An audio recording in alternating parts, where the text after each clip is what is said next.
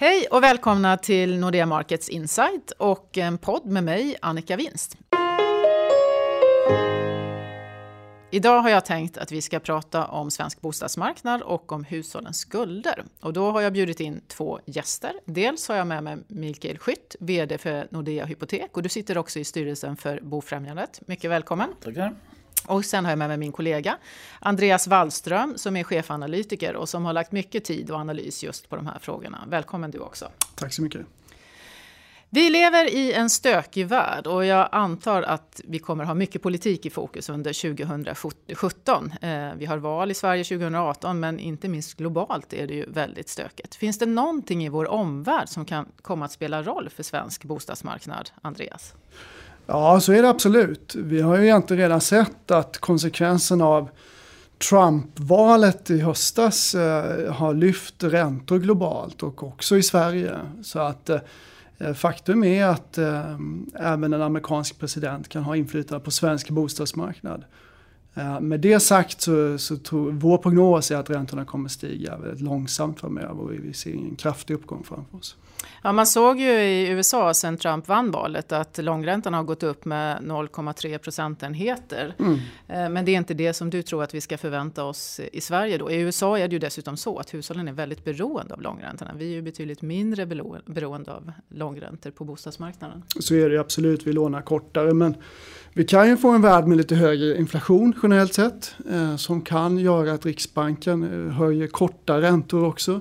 Eh, snabbare vilket då påverkar, skulle kunna påverka korta bostadsräntor också. Men återigen, alltså vi ser inget stort trendskifte i räntor utan jag tror mycket på att de här låga räntorna vi har idag är här för att stanna. Det är min huvudbild. Mm.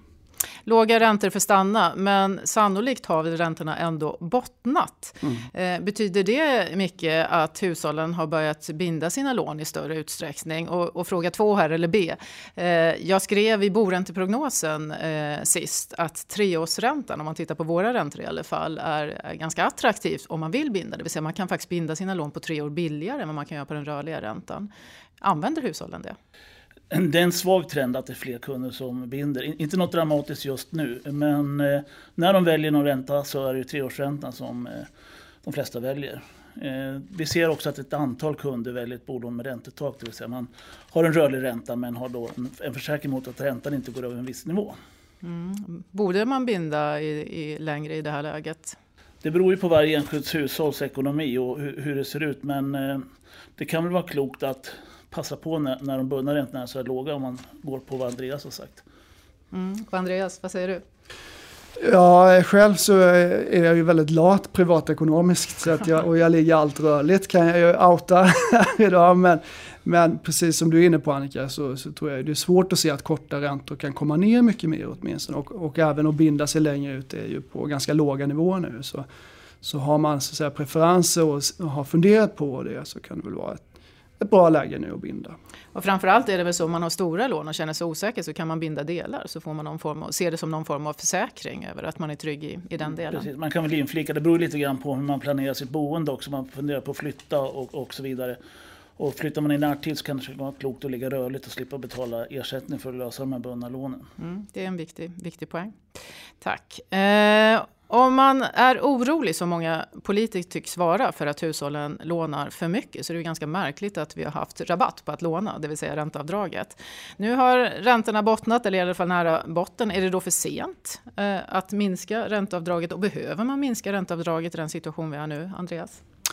Uh, nej, jag tycker väl i och för sig inte det är för sent. Uh, men jag tycker inte heller det är påkallat av det skälet att man måste bromsa hushållens kredittillväxt. Eh, hushållens kredittillväxt eh, faller redan sedan eh, något år tillbaka faktiskt. Och däremot så tycker jag det kan finnas skäl att se över ränteavdragen av skatteskäl. Alltså en större översyn av skattesystemet. I det ingår ju också ränteavdragen. Mm. Micke, har du någon kommentar till ränteavdragets vara eller icke vara? Ja, jag har inte någon bestämd uppfattning. Men ska man ta bort dem ska man göra det nu när räntorna är så låga. För hushållen är inte beroende av dem. Men en ränta på 1,5-2% idag, det blir ränteavdrag i kronor väldigt lite pengar ta bort, eh, tror jag, tycker i alla fall inte jag. Ska man göra det ska man väl minska det. Och jag antar att det är det du tänker också, Exakt. ungefär som i Danmark. Ja. Man försiktigt framåt, kanske en procentenhet om året eller något liknande. Någon form av utfasning, ja, precis. precis. Mm. Bra. Eh, Vi har fått nya amorteringskrav. Har de haft någon effekt som ni ser det? Vilka? Ja, om vi ser på kunder som amorterar så är det nästan 100% av de som har en belåningsgrad över 70% som amorterar. Och en ganska betydande del eh, på de som ligger mellan 50 och 70 också. Man amorterar faktiskt mer än kravet så att det är mer än 2% över 70% och något mer, 1,5% mellan 50 och 70. Så att vi ser en effekt på det här. Eh, och det innebär ju naturligtvis att de pengarna tas ju någon annanstans ifrån, antingen från hushållens sparande eller, eller någon konsumtion. Men stoppar det hushåll att, att köpa boende? Ja, det är ju inte det som egentligen eh, stoppar hushållen från att köpa utan det är de höga priserna kombinerat med de eh, ganska tuffa krav vi har på kunder som ska köpa bostad. Man ska klara då en, en bundna eh, bolåneränta plus 3 procentenheter, lägst 8 plus 50 år rak amortering. Och det är ganska tuffa kalkyler. Och då tycker kunderna plus då, amortera? Ja, plus amortera. Och, och, men det här är ju vår kalkyl och, och, i praktiken är ju räntan kanske bara 2 procent. Mm. Så egentligen är amorteringen en större kostnad för hushållen än räntorna i dagsläget. Mm. Andreas, har du någon kommentar till? Eh, ja, de flesta bedömde att amorteringskravet skulle ha väldigt liten effekt egentligen på eh, bostadsmarknaden i flera avseenden, bland annat på bostadspriser och kredittillväxt. Och det är väl det vi har sett också att det inte har haft så stor effekt om man tittar på makroaggregaten. Huspriserna fortsätter upp under andra halvåret förra året. Men med det sagt så kredittillväxten har ju bromsat upp lite. Eh, jag tror man ska ha i åtanke också att amorteringskravet infördes förvisso bara för ett halvår sedan men det var ju så att både hushåll och banker sedan flera år dessförinnan hade anpassat sig till det här förslaget. Va? Så att i den, i den meningen så, så har nog amorteringsdiskussionen haft en effekt, eh, tror jag. Ja, eh, nu har vi pratat ränteavdrag och amorteringar men man diskuterar också ett skuldtak eventuellt. Eh, behövs det? Eh, vilka baksidor finns det med ett sådant förslag, Mikael? Ja, vår uppfattning är att det är ett ganska trubbigt instrument. Det kan vara bra att följa skuld, skuldkvoter på stocknivå, det vill säga titta på de lån vi har ligger i, i portföljen. Men på individnivå när vi gör vår kreditbedömning så är den kalkyl vi använder mycket mer eh, finstämd kan man säga. Vi kan ta hänsyn till exempel till lägre driftskostnader på nyproduktion. Det är ett exempel. Och, eh, vi har faktiskt räknat på vår kalkyl vi har idag, kravkalkylen, och den motsvarar ungefär ett skuldkvotstak på 600% eller sex gånger nettoinkomsten för ett hushåll. Så vi ligger på Någonstans den, där man diskuterar. Ja, ja, vi ligger på den nivån mm. idag. Mm. Andreas, du som tittar mycket på hushållens sparande och så vidare, hur ser du mm. på ett skuldtak? Ja, hushållens sparande, om vi kommer in på det först, så är ju det väldigt, väldigt högt just nu. Eh, svenska hushåll sparar ju mest i Europa eh, och eh, sparar också på den högsta nivån sedan 60-talet faktiskt. Den här åtgärden, jag kan ju lägga till där Mikael bara, så, så det förslag som Finansinspektionen är det som har mejslat ut det här förslaget. Det som de har tittat på är mycket hur man har gjort i Storbritannien. Och där tillåter man ju eh, en ganska ansenlig eh, mängd undantag. Eh, så att bankerna tillåts i 15 procent av fallen göra undantag. Och det är ju en viss flexibilitet i det. Med det sagt så är jag ingen vän av det här, den här åtgärden och jag tror inte heller att den kommer genomföras. Mm. Eh, ser vi några regionala skillnader, Mikael, på hur hushållen agerar? Den största regionala skillnaden ser vi egentligen på boendepris, boendepriserna. Mm. Och det är häpnadsväckande när man tittar på vad en bostadsrätt kostar i Stockholm jämfört bara en timme med tåg bort. Mm. Som ett exempel då så kostar en tvåa fem minuter från centralen i Stockholm runt 100 000 kronor kvadratmetern. Samma lägenhet fem minuter från stationen i Katrineholm kostar 14 000 kronor kvadratmeter. 28 000 i Västerås, det finns fler exempel. Så att folk vill bo centralt och är beredda att betala för det.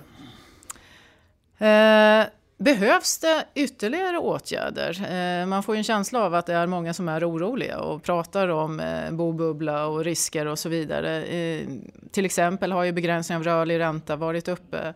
Eh, behöver man göra mer i den situation vi är i idag, Andreas?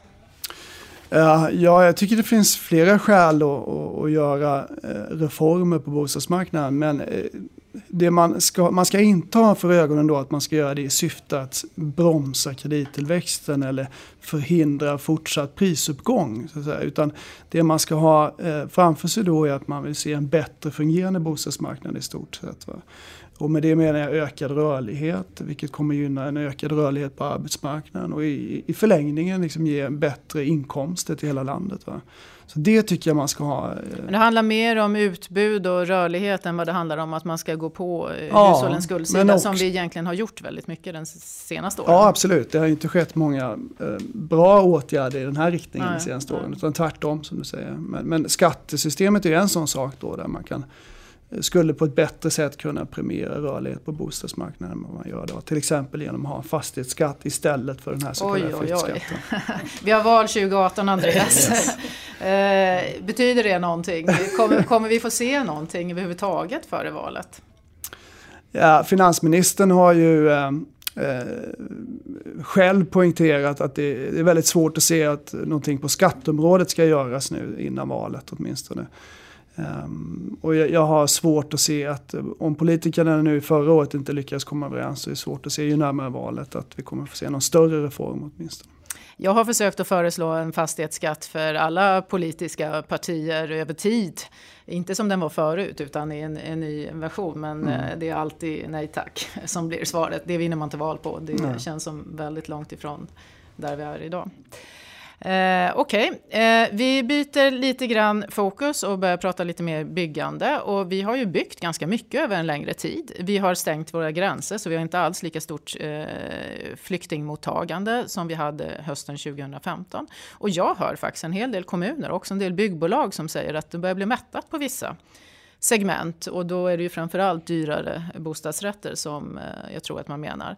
Bygger vi för mycket Andreas?